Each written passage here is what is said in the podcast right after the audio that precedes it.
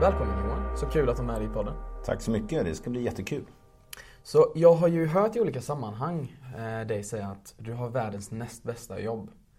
Eh, men vad är det exakt som gör det till världens näst bästa jobb? Ja, näst bästa och näst roligaste jobb. Det är anledningen att jag får en enorm möjlighet att förbättra framtiden. Framtiden för de som kommer att bo i den här regionen efter mig och efter dig. Och eh, jag vill kunna se mina barn och förhoppningsvis barnbarn en gång i tiden och säga att eh, jag gjorde allt vad jag kunde för att det skulle bli så bra som möjligt här. Det känns eh, jätteviktigt för mig att göra någonting som är viktigt för framtiden. Ehm, och det gör jag genom att framförallt påverka och politiker. Och eh, det är en spännande värld. Jag vill inte vara politiker ska jag tillägga, men det är en spännande värld att se, titta in i den politiska världen. Så det är, det är de sakerna som gör att det är spännande. Och sen är det otroligt duktiga och drivna medarbetare och kollegor jag har här på Handelskammaren. Så jag åker varje morgon till jobbet och känner Wow, det här ska bli en kul dag. Men det låter ju lite som att du har världens bästa jobb. Eller skulle inte du säga det? Nej, men jag får ha viss ödmjukhet ibland faktiskt. Och det kan ju vara så att det är någon annan som har det bästa jobbet. Eller så har jag någonting att sikta mot och hitta det bästa jobbet i framtiden. Mm. Härligt. Så mm, du är ju VD på Västsvenska Handelskammaren. Mm. Och det innebär ju en massa ansvar och en massa förväntningar på en. Mm. Eh, så något man kanske inte riktigt vet, det är ju vad du har för matpreferenser. Om du ska äta din sista måltid, vad väljer du då för maträtt? Oj, det var en spännande fråga. Min sista maträtt? Eh, ja, men jag undrar om inte det hade blivit eh, något bra kött som är grillat en skön eh, sommarkväll. Mm. Gärna ute i naturen. Eh, nej, det är nog det jag ser framför mig. Till en sallad. Mm. Och kanske lite grillade grönsaker på också. Mm. Varför just kött i naturen? Jag tycker att det smakar bäst där när man är ute i naturen. Jag gillar att vara ute i naturen och sen så tycker jag att det är ett bra sätt att tillaga mat både socialt och, och smakmässigt, smakupplevelse faktiskt. Mm. Mm. Har du varit mycket i naturen? Jagar du själv eller? Jagar eh, sedan något år tillbaka eh, men framförallt så har jag vistats under hela min uppväxt och ja, hela mitt liv i naturen. Jag tycker att det är ett privilegium som jag har framförallt här i Sverige att få kunna vistas så mycket ute i naturen. Mm. Det visar sig att vi är ju faktiskt det land där människor eh, vistas mest i naturen men vi tar det väldigt självklart. Men det gör man faktiskt inte i övriga delar av världen. Mm. Känner du och eh, upplever du att vi tar det för givet? Ja det gör vi och vi tänker inte på vilka möjligheter vi har och det, det hela stavas faktiskt allemansrätten. Eh, om man tänker efter, vi har ju alltså möjlighet att vara ute i precis överallt i skog och mark och sjöar och hav. Eh, helt fritt. I andra länder så kan du inte det. Jag hade en amerikansk familj på besök och vi gick upp i skogen och badade i en sjö. Jag sa vi simmar över till andra sidan. Och då sa de, får vi det? det? Det är ju kanske någon annans land. Det kanske kommer någon med en hagelbössa där. Då fick jag förklara för dem att nej, nej, du får simma och du får vara var du vill. Mm. Och det här tar vi väldigt mycket för givet men det är faktiskt helt unikt i världen. Hur ofta är det då du simmar i sjön? Ja, just att simma i sjön gör jag inte varje dag men eh, jag är ute i naturen väldigt ofta. Just nu så försöker jag vara ute i princip varje dag. Eh, jag håller på och tränar så att jag försöker springa Mm. Och eh, under så här försäsong, eh, jag tränar inför ett lopp i en tävling i sommar och eh, under försäsong så är det väldigt bra att springa långsamt i skogen. Mm. Då behöver man inte maxa men du tränar upp småmuskulaturen och, och snabbhet i fötterna på det sättet. Mm. Varför är det viktigt för dig att träna? Det är välbefinnande och sen är jag barnsligt förtjust i utmaningar och jag har tänkt testa på att ställa upp i en Ironman till sommaren. Och det tror jag är en väldigt stor utmaning för mig. Eh, vi får se om jag klarar av det men jag har i alla fall anmält mig och jag har en, en målsättning att åtminstone ta mig runt. Jag ska absolut inte vinna. Så du har anmält dig till Kalmar 2020 då? Det stämmer. Ja, härligt. Jag hörde att de sålde slut första tre veckorna. Ja, 15 augusti går startskottet och förhoppningsvis målgången också. Härligt, härligt. Mm. Det är ju en väldigt stor skillnad i utmaning mellan ditt vanliga yrke idag. Mm. Men känner du att sådana här utmaningar kompletterar ditt yrke? Ja, jag känner att det är ju ett sätt för mig också att koppla av och koppla bort ifrån mitt jobb. Eh, jag har normalt sett ganska lätt för att koppla ifrån men eh, det här jobbet är så pass roligt och så pass krävande också eh, så att det är många arbetstimmar. Jag satt igår till exempel fram till klockan var halv ett på natten och jobbade Eh, därför att jag var tvungen till det och eh, då är det skönt att få de här ventilerna. Framförallt att komma ut i naturen. Mm. Vad ska du känna är det svåraste med ditt jobb? Det svåraste är att eh, utveckla människor och kollegor som vi har här. Vi är ju en ganska stor arbetsplats, för närmare 90 anställda. Och jag vill gärna se alla och jag vill gärna att varje person som jobbar hos oss här ska känna att de utvecklas. Och jag vill försöka hjälpa dem till det genom att kanske putta dem utanför den trygga zonen. Mm. ställa lite tuffa krav men också vara berömmande och, och, se mina kollegor. Och det är ganska svårt när det är 90 personer. Det är alltid någon som känner att de inte blivit sedda. Mm. Och det kan vara väldigt utmanande att få människor att gå utanför den comfort zonen. Till exempel, det är inte vem som helst som hade anmält sig till en, till en hel Ironman 2020. Nej, det stämmer. Och jag begär inte att alla ska vara lika knäppa som jag. Men eh, jag tror ändå att det är ett sätt för oss människor att faktiskt utvecklas. Det är att tvingas testa någonting som vi inte gjort tidigare. Jag vet att många människor eh, inte alls gillar det och jag har respekt för det. Men eh, jag försöker göra det på, på mitt sätt och lite försiktigt. Jag tvingar inte någon. Mm.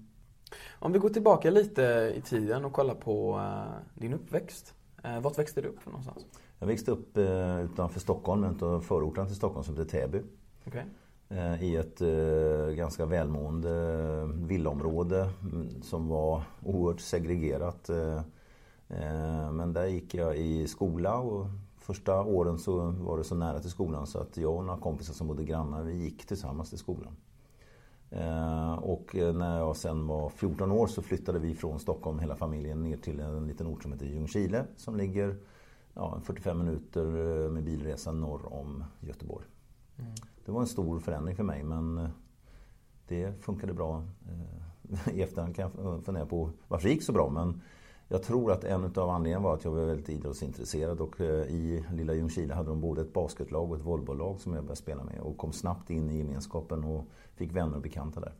Mm. Och du kände gemenskapen från idrottsaktiviteten och verkligen hjälpte dig?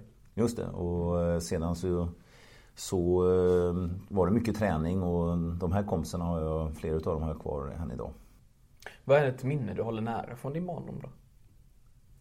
Ja, det är ju att eh, det fanns en enorm trygghet i att eh, alla ens bästa kompisar bodde ju i princip bara i husen runt omkring. Mm. Så vi ägnade ju hela dagarna åt att leka och, och idrotta.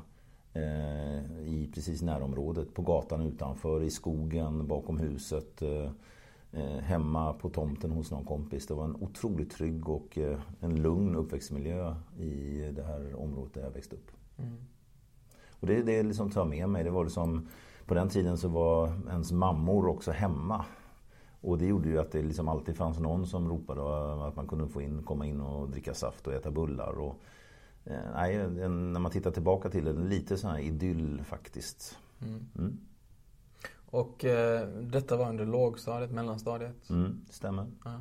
Och hur var dina, hur spenderades dina timmar under hög och gymnasietiderna? Vad studerade du för att komma till den här positionen? Ja, jag pluggade, eh, jag har alltid gillat utmaningar så att, eh, och haft ganska lätt för mig i skolan så jag gick, valde naturvetenskaplig linje efter jag hade gått ut nian. Och eh, sen så, det var en hel del plugg men det var också väldigt mycket träning. Jag spelade både basket och volleyboll och umgicks med mina vänner och då flyttade jag till ett lika idylliskt litet samhälle som heter Ljungskile på västkusten där man hade havet. Det var mycket båtar på vår och sommar och höst. Bad, dykning, också mycket natur. Jag var med i scouterna och ja, det var liksom ett ganska schysst eh, liv. Man hade sin moped och träffade sina polare. Jag förstår att du också varit med i militären. Mm. Eh, på min tid så eh, Eh, var det ju allmän värnplikt, det vill säga att alla män var tvungna att eh, gå in i militären. Och eftersom jag alltid har gillat utmaningar så ville jag liksom inte göra som mina närmaste kompisar. De hade blivit eh, skyttesoldater som det hette i Uddevalla, den närliggande staden där vi bodde i Ljungskile. Och då berättade de att de bodde hemma, de åkte in och tyckte det var jättetråkigt. De grävde en grop på morgonen och sen så stod de och sköt i den och sen så grävde de igen gropen på kvällen. Och då tänkte jag, det ska jag inte göra. Så att eh, jag ville göra något annat. Så jag sökte mig till Fjälljägarna. Eh, ett nytt regemente som man precis byggde upp i Arvidsjaur uppe i norra Sverige. Och eh, där kände jag att där kunde jag få ut i naturen och också testa mina gränser. Mm. Så jag sökte mig dit. Och där var jag i den längsta tiden som man kunde vara, 15 månader som befälselev och eh, sen hade jag inte riktigt någonting för mig för jag kom inte in på de studier jag sökte mig till när jag var färdig och det gjorde att jag stannade kvar och gick ytterligare åtta månader och blev reservofficer. Med kaptensgrad uppe i Arvidsjaur. Långt från ära och redlighet. Vilka studier var det du sökte dig till men inte kom in? Jag sökte läkarlinjen på den tiden eh, och det var jättetufft. Det är det väl än idag men det var jättetufft på den tiden. Och mm. Eh, som sagt jag kom inte in och på den tiden kunde man inte komplettera. Man kunde inte göra några högskoleprov utan det var bara de betyg man hade med sig från gymnasieskolan som gällde. Mm. Och det var inte tillräckligt bra bara. Hur kände du dig då? Just när du inte kunde komma in den första gången? Nej, det var, det var ju ledsamt men samtidigt hade jag nog insett att så var läget. Och sen så var det ett ganska bra alternativ att stanna kvar. Jag, jag trivdes ganska bra i det militära. Jag tyckte det var ett bra sätt och jag tycker än idag att militären är otroligt fostrande. Tänk dig själv att det här, där plockar man in testosteronstinna män i precis den åldern som man är som mest orolig och har mest funderingar över livet. Alltså säg runt 18-19 års ålder. Ehm, man tvingas komma hemifrån från sina föräldrar, sin trygghet, sina vänner. Man tvingas passa tider, eh, ha ordning och reda, eh, lyssna på instruktioner, göra saker som man inte gjort tidigare och få helt nya vänner och bekanta och förhålla sig till det. Eh, det var otroligt fostrande för en hel generation unga svenska män på den tiden. Och eh, det tycker jag bara av den anledningen borde det vara ett bra sätt eh, för att införa en allmän värnplikt igen. En mognadsprocess helt enkelt där kvinnor oftast är lite före oss män just i den åldern och det var ett sätt för oss att komma in och, och få ett liv helt enkelt. Mm. Precis. Och vad skulle du säga är det bästa med militären? Just det gemenskapen också? Nej men det är också, det stärker um, självbilden och självförtroendet. Uh, vid Fjälljägarna där jag låg så upptäckte jag att jag klarade ju 100% mer än vad jag själv tror och, och 250% mer än vad min mamma trodde. Mm. Och det tror jag är ganska nyttigt uh, att få den bilden. Att uh, många gånger så är man ju lite vilsen i den åldern och orolig över att man inte passar in eller att man inte klarar saker och ting. Och det gav en, en, en väldigt bra styrka faktiskt för framtiden och det har burit med mig hela livet sedan dess. Mm. Och det är just den här mentala gränsen som många inte riktigt vet vart den går. Mm. Många tror ju oftast att den går vid 70-80%. Mm. Men det är inte förrän man börjar pusha sig själv man ser att man har fortfarande 30% potential kvar. Mm. Ja, men jag, jag, ser det väldigt ofta än idag, både på kollegor och jag har ju barn idag. Och Eh, jag har en dotter som precis har börjat plugga i Lund här nu och, och, hon var jätteknäckt eh, med studierna första veckorna och det var på engelska och hon tyckte att alla andra var mycket bättre och så vidare. Och hon hamnade i en slags depression faktiskt över sin situation och sen var det en annan händelse i hennes liv som tyvärr också tyngde henne. Eh, nu har det gått ett par månader och jag pratade med henne och då så frågade jag hur det har gått. Ja, men jag har fixat eh, de åtta tentorna, eller sex tentor var det de hade gjort. Och då, jag har fixat dem. Ja men vad kul sa jag. Eh, och hon var lätt så glad. Och sa varför är du glad? Jo sa hon för att när jag pratar med mina kompisar så har de sagt Va? Har du gjort alla sex? Jag klarar inte av det. Jag har bara fixat fyra av de sex. Jag vågade inte gå upp på alla sex. Och någon annan sa åh jag tyckte det var jättesvårt här. Eh, så jag missade två utav sex. Och helt plötsligt hade hon fått en bild av att hon var inte sämst.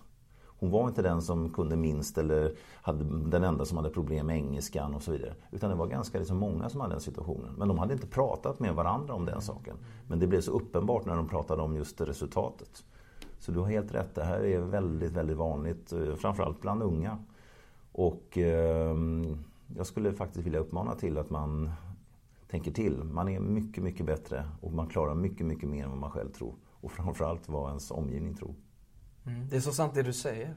Och när man, skil, när man kollar på eh, förra generationen och dagens generation ungdomar. Hur, hur ser du på skillnaderna där? Just i prestation, att vara bäst, att få bästa betyg och liknande.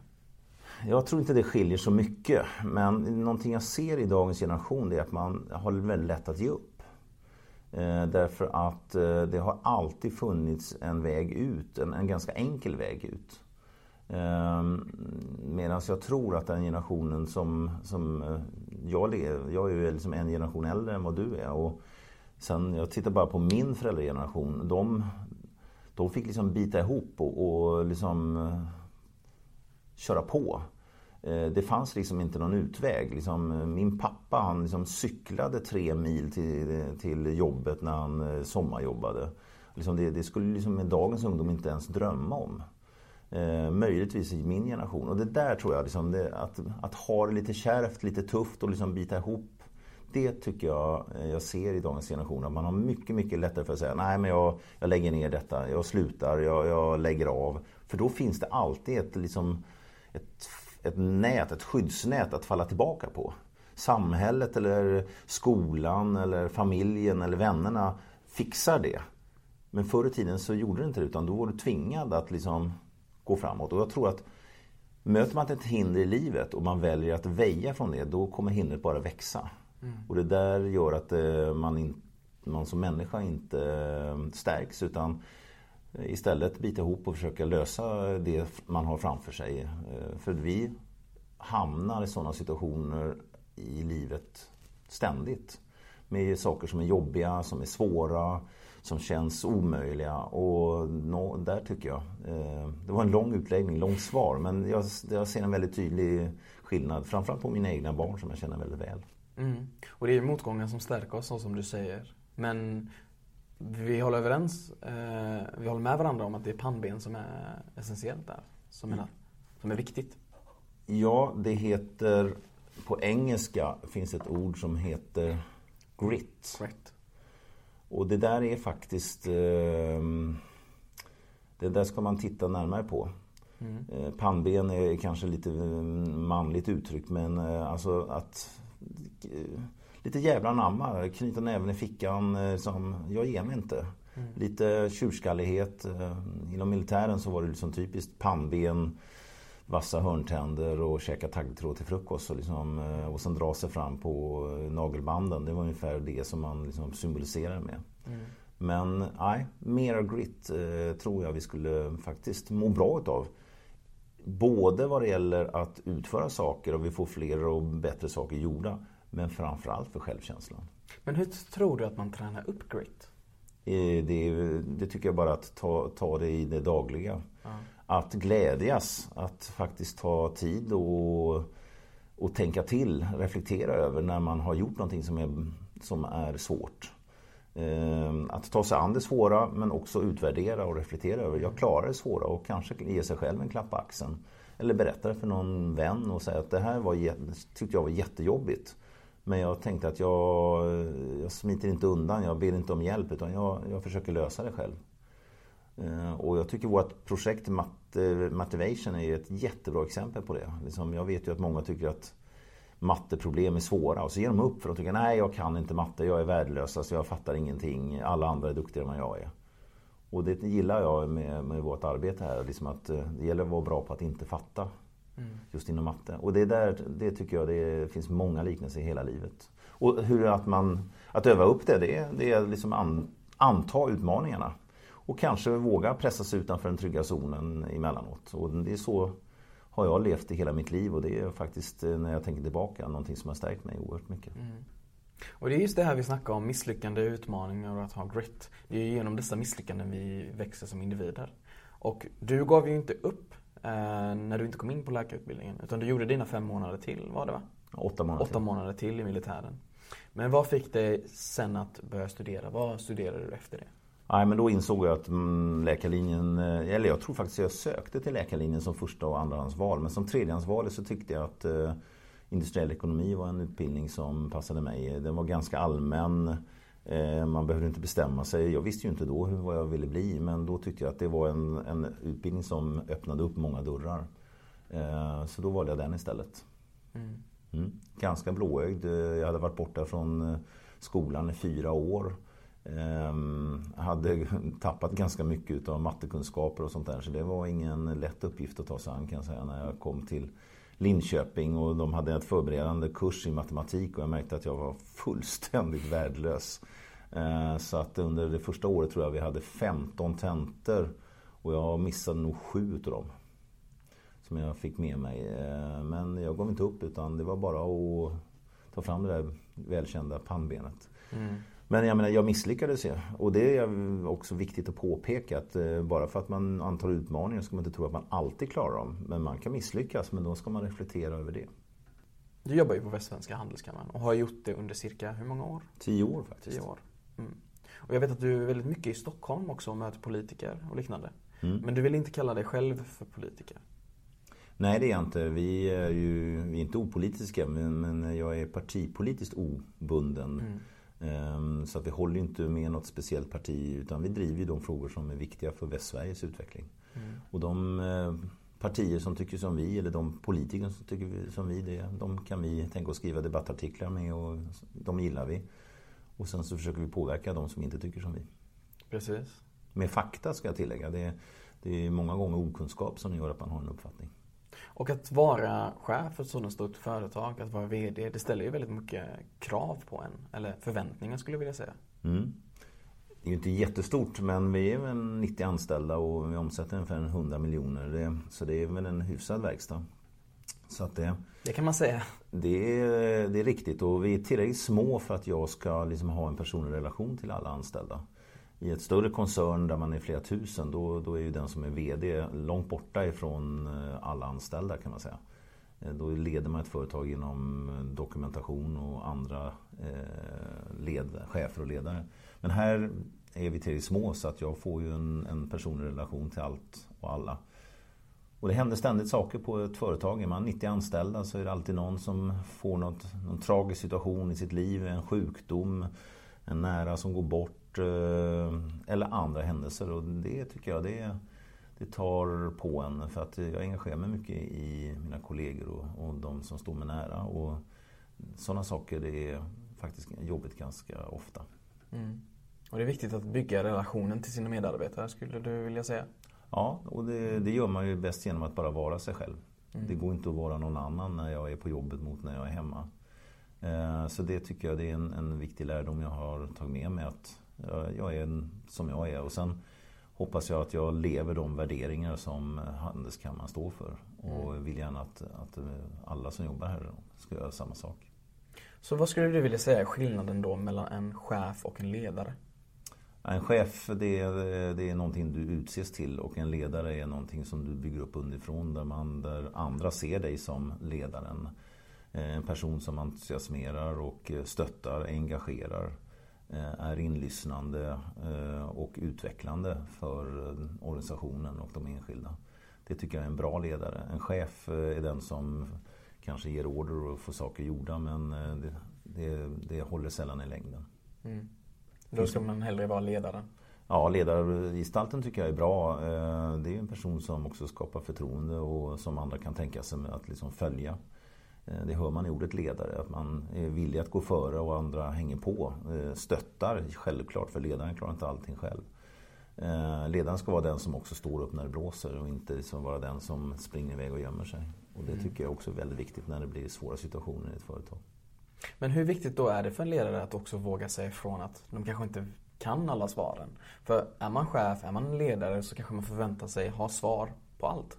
Ja, men det är faktiskt, ehm, där har du tillbaka till det här med självbilden. Eh, eh, jag har ju anställt folk hos mig för att de ska vara bättre än vad jag är. Eh, så jag menar, och det tog tid vet jag i början. Det var många som kom till mig och frågade Johan vår politiska chef kom och sa, ja men vad ska vi göra i den här situationen? Ja, men då sa, vände jag på det och sa, men du är ju politisk chef, du är liksom specialisten. Det är du som ska tala om för mig vad vi behöver tycka i det här. Och sen kan jag gärna resonera kring det. Eh, och det här tror jag är viktigt för en organisation eh, och en ledare. Att lyssna in. Här jag ska ju anställa folk som är mycket bättre än vad jag är.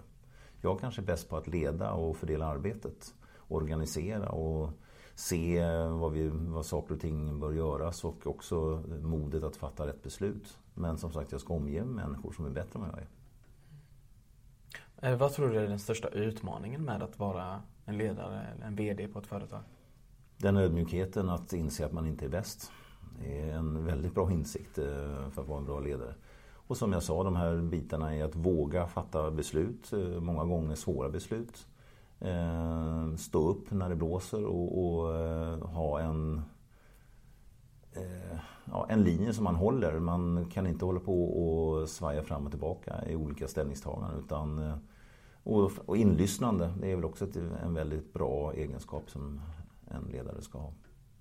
Och det är en väldigt sårbar position som ledare. Att kunna våga säga att man kanske inte vet alla svaren. Eller ha den ödmjukheten mot någon annan och öppna upp sig och bygga de relationerna. Absolut.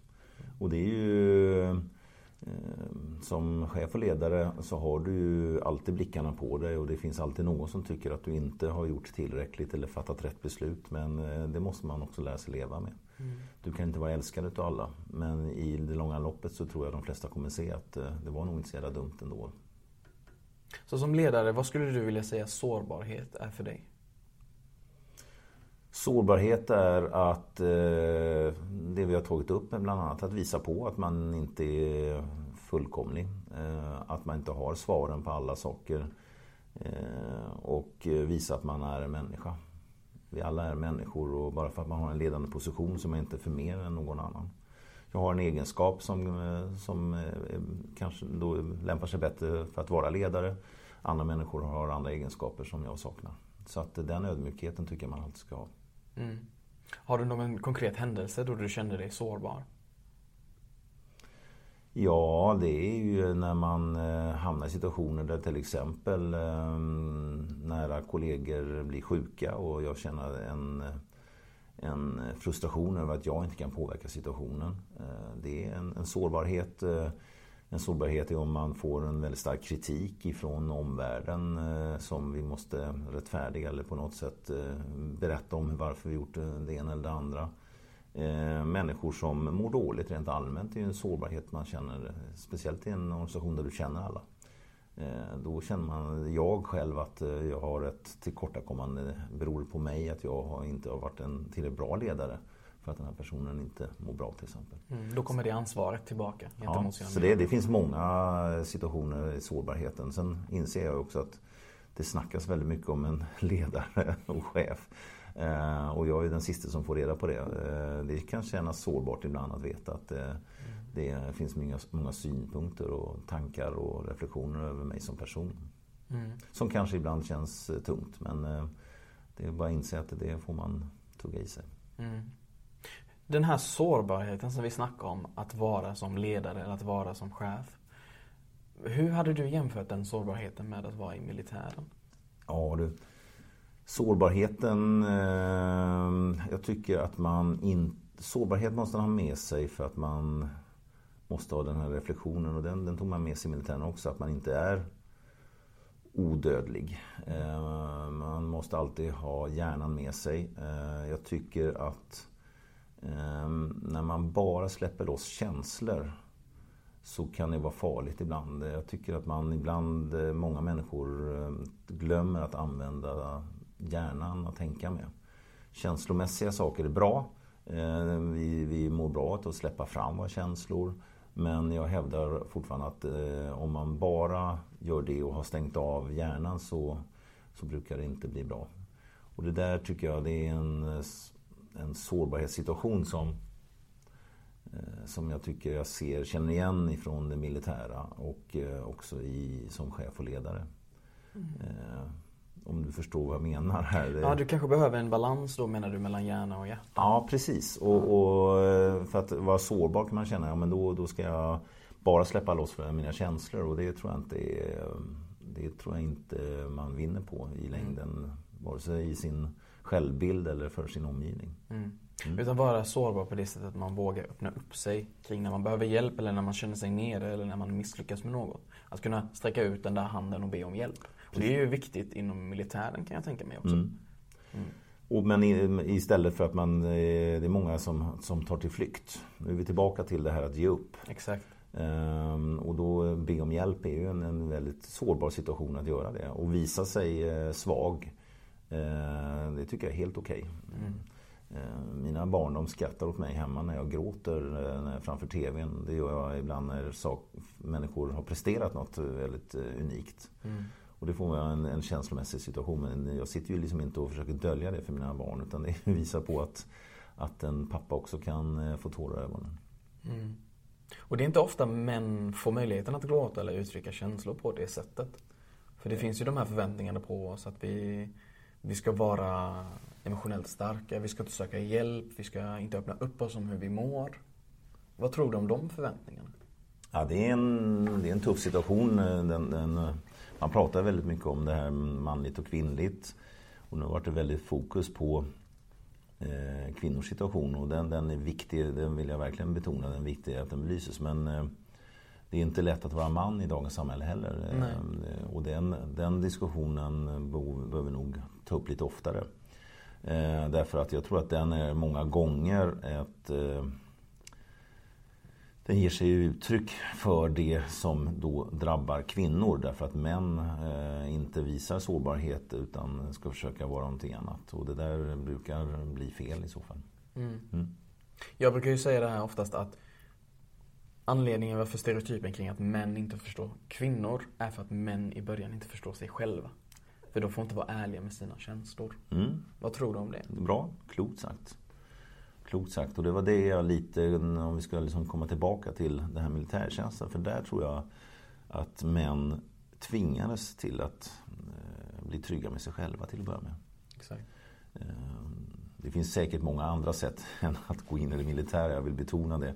Jag är absolut ingen ivrare för det. Men, men jag ser att män under en period av sitt liv eh, hamnar i en ganska stor vilsenhet att hitta sig själva och vem man själv är och hur man ska bete sig och visa sårbarhet. Och det där gäller att man eh, tar med sig och funderar över.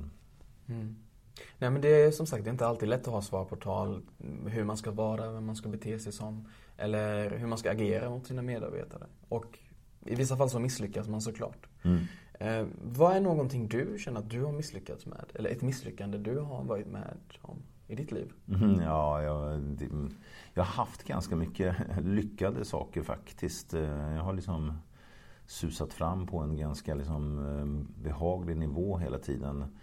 Så jag har inte haft så här jättestora misslyckanden måste jag faktiskt säga. Ehm, ehm, I, I mitt yrke så har jag mitt största misslyckande där. Det hände när jag var ganska ny här på Handelskammaren och jag skulle lära mig twittra. Och eh, jag tror det var mitt tredje tweet som jag skickade ut. Och det, det skrev jag ihop på ett ganska dumt och plumpt sätt. Och, och fick väldigt starka reaktioner från omvärlden för det, det tweetet. Och det, där lärde jag mig mycket. Mm. Så att, eh, och där fick jag göra en riktig pudel både inför eh, omvärlden och mina kollegor här på Handelskammaren och den person det berörde och så vidare. Så att, eh, det var en tuff tid men och den har jag lärt mig mycket av. Så att det, det var ett stort misslyckande att innan jag lärde mig vad, vad Twitter innebar och hur man uttryckte sig på sociala medier. Mm. Mm. Men den motgången säger du att du har lärt dig någonting av? Oh ja, jättemycket. Och jag raderar väldigt ofta tweets nu för tiden som jag skriver. Och så bara, nej, vänta lite, det här kan jag inte skicka. Så här skriver man inte eller så här beter man sig inte. Eh, det borde fler faktiskt eh, ha den spärren för jag tycker att det förekommer allt för mycket dumt på sociala medier. Sånt som vuxna människor uttrycker som vi faktiskt uppfostrar våra barn att överhuvudtaget inte ens eh, ha i sin åtanke. Det uttrycker många äldre människor. Det tycker jag är en svaghet därför att man gömmer sig bakom det anonyma på sociala medier. Mm. Det tycker jag är tragiskt. Det, det, det, är en tendens som, jag, som bara blir fördummande i samhället tycker jag. Mm. Jag kan hålla med om det där, för sårbarhet för mig också är ju att våga äga upp det man säger, det man tycker och vem man verkligen, verkligen är. Mm. Så det här med sociala medier och anonymitet har ju påverkat väldigt många ungdomar idag till både depression, psykisk ohälsa. Mm. Och att man ständigt jagar antal likes på mobilen eller på Instagram. Men skulle du då säga att konflikträdsla har något med det här att göra? Ja, på något sätt. att eh, Jag tycker att, eh, att stå upp för en åsikt eh, och våga argumentera för den eller för det man gör. Att stå upp för det man gör. Men om du tänker efter, mycket av problematiken i samhället innebär att man ska vara anonym. Mm. Stenkastande personer, eh, de, de gömmer sig bakom masker eller eh, luvtröjor och så vidare. Istället för liksom bara, om du nu tycker en sak, stå upp för det och visa liksom rakryggat att jag kastar sten därför att jag har den här åsikten. Det hade varit mer schysst tycker jag.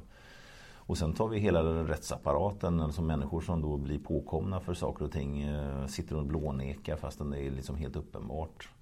Eh, nu kommer jag in på ett annat spår här, det kanske inte var det du menar. Men jag, jag, liksom, jag ser anonymiteten eh, och även som sagt på sociala medier, den är ju förskräcklig. Det, hur människor då gömmer sig bakom eh, eh, ja, pseudonymer eller någonting annat. Eh, det, det, det där tror jag i längden vi inte vinner på i samhället.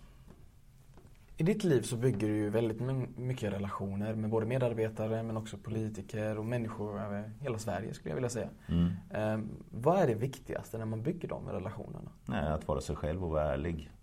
Eh, det finns ju en sägning att det, det, du ska inte ljuga, du ska alltid säga så som det är. För då behöver du inte komma ihåg vad du har sagt. Mm. Och den gillar jag, den, den, är, den är en bra grej. Um, och det, är du dig själv och inte förställer dig och spelar någon annan roll så, så vinner du längden som människa i en relation med andra människor. Och det gäller såväl i det privata som i näringslivet och yrkeslivet. Och framförallt för en chef och ledare. Mm. Du kommer alltid bli påkommen om du börjar spela någon annan roll eller försöka förställa dig eller säga saker som du inte tycker och menar. Det skulle aldrig fungera mer än kanske några veckor, några månader. Omdöme är ett annat sånt här område som visar på att du har ett gott omdöme. Det är kopplat till att vara sårbar men också att vara ärlig. Så att jag tycker att eh, det är ett ord som vi talar alldeles för lite om också. Att vara ärlig mot sig själv? Ärlig mot sig själv och ha ett gott omdöme. Eh, från det lilla till det stora. Det tycker jag det är sånt som vi, vi är lite för slarviga med. Mm, mm. Och sista frågan, sist men inte minst, så skulle jag bara fråga dig. Vad önskar du att du hade vetat när du började din resa?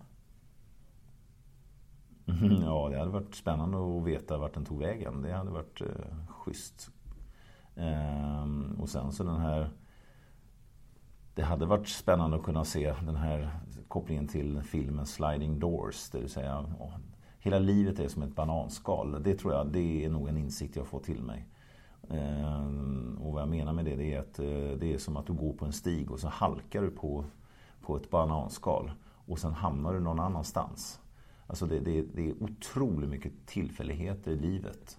Som gör var du hamnar, var du jobbar, vem du bor med eh, många sådana saker. Och det, det hade jag inte bilden av när jag var ung. Jag trodde att det var liksom ganska planerat, förutsägbart, så som jag ville. Eh, men det har lärt mig att eh, livet består bara av tillfälligheter.